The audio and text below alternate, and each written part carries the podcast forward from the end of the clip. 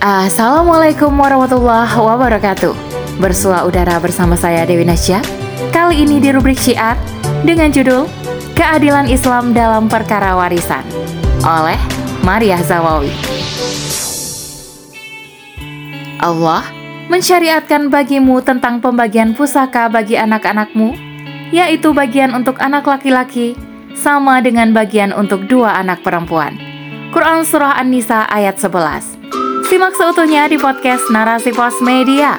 Narasi Pos, cerdas dalam literasi media, bijak menangkap peristiwa kunci. Sejak diterapkannya sekularisme dalam dunia pendidikan, kaum muslimin semakin jauh dari Islam. Hal itu terjadi karena minimnya materi pelajaran yang mengajarkan sakofah Islam. Akibatnya, banyak hukum syarak yang tidak dipahami Salah satunya adalah hukum waris. Sebagian besar masyarakat kemudian membagi warisan tanpa memperhatikan hukum syara. Mereka menyamakan bagian untuk laki-laki dengan perempuan. Mereka berpikir bahwa model pembagian yang seperti itu dianggap sebagai bentuk keadilan. Namun, benarkah demikian? Jauh sebelum kaum muslimin berada dalam kondisi seperti saat ini, Rasulullah Shallallahu Alaihi Wasallam telah mengingatkan masalah ini melalui hadis Ibnu Majah. Di dalam hadis ini, beliau Shallallahu Alaihi Wasallam bersabda, "Pelajarilah ilmu faraid dan ajarkanlah kepada manusia. Sesungguhnya ilmu faraid merupakan sebagian dari semua ilmu dan banyak dilupakan. Ilmu faraid juga merupakan hal yang pertama dicabut dari umatku." Rasulullah Shallallahu Alaihi Wasallam memerintahkan umatnya untuk mempelajari ilmu faraid karena harta warisan merupakan harta yang rentan untuk diperebutkan. Setiap ahli waris merasa berhak dan menginginkan bagian yang besar. Jika ahli waris tidak memahami tata cara membagi warisan, dapat terjadi perselisihan dan permusuhan antar saudara. Karena itu, setiap Muslim harus memahami kedudukan harta warisan serta tata cara pembagiannya. Warisan merupakan salah satu sebab kepemilikan yang diakui oleh syarak. Warisan adalah pemindahan hak kepemilikan dari orang yang mewariskan kepada ahli waris. Melalui pewarisan inilah, seseorang yang awalnya tidak memiliki benda mendapatkan hak kepemilikan atas benda tersebut. Setelah ia memiliki benda itu, ia berhak untuk memanfaatkan, menyewakan, maupun menjualnya. Semua aktivitas ini hanya boleh dilakukan oleh pemilik sah benda atau barang. Misalnya, ia mendapatkan warisan sebidang tanah, maka ia dapat memanfaatkannya secara langsung dengan cara menanami atau mendirikan bangunan di atasnya. Ia juga dapat menyewakan tanah untuk gudang ataupun toko. Ia juga dapat menjualnya kepada orang lain.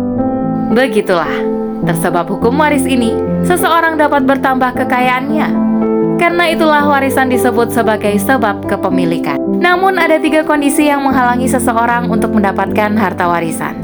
Pertama, perbudakan.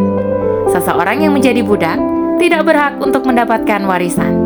Sebab semua yang dimilikinya adalah milik tuannya. Hal ini dilandaskan pada hadis riwayat Bukhari dan Muslim.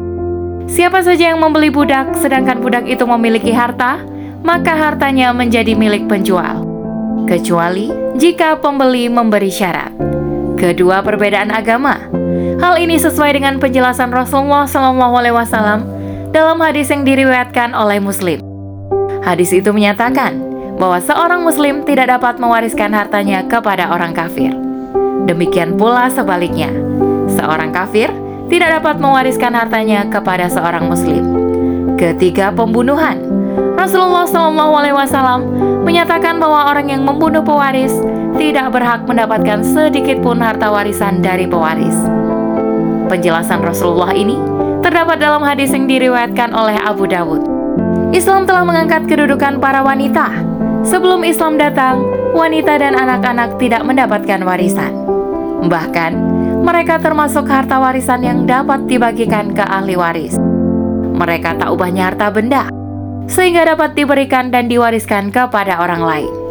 Setelah Islam datang, para wanita dan anak-anak mendapatkan hak waris, termasuk janin dalam kandungan jika ia lahir dalam keadaan hidup.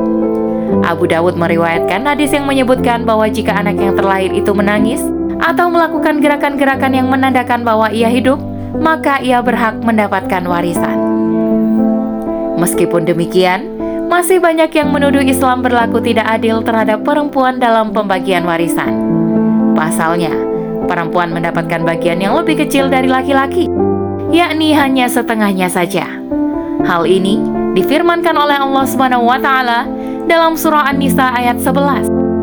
Allah mensyariatkan bagimu tentang pembagian pusaka bagi anak-anakmu, yaitu bagian untuk anak laki-laki sama dengan bagian untuk dua anak perempuan. Padahal, pembagian ini sudah adil, sebab adil dalam Islam tidak berarti harus sama bagiannya. Adil dalam Islam bermakna menempatkan sesuatu pada tempatnya. Mengapa pembagian ini disebut yang paling adil? Ya, sebab kaum laki-laki mendapat kewajiban yang tidak diberikan kepada kaum wanita. Mereka harus memberi nafkah keluarganya. Keluarga di sini tidak hanya sebatas keluarga inti. Ada beberapa orang yang harus ditanggung oleh seorang laki-laki jika mereka tidak mampu, seperti orang tua dan saudara perempuannya. Sedangkan kaum wanita tidak pernah memiliki kewajiban menafkahi orang lain. Dalam kondisi apa pun, ia adalah orang yang harus dinafkahi. Bahkan seumur hidup, ia tidak berkewajiban mencari nafkah. Karena itu, meskipun laki-laki mendapatkan harta warisan lebih banyak dibanding perempuan, bukan berarti ia lebih kaya dibandingkan saudara perempuannya.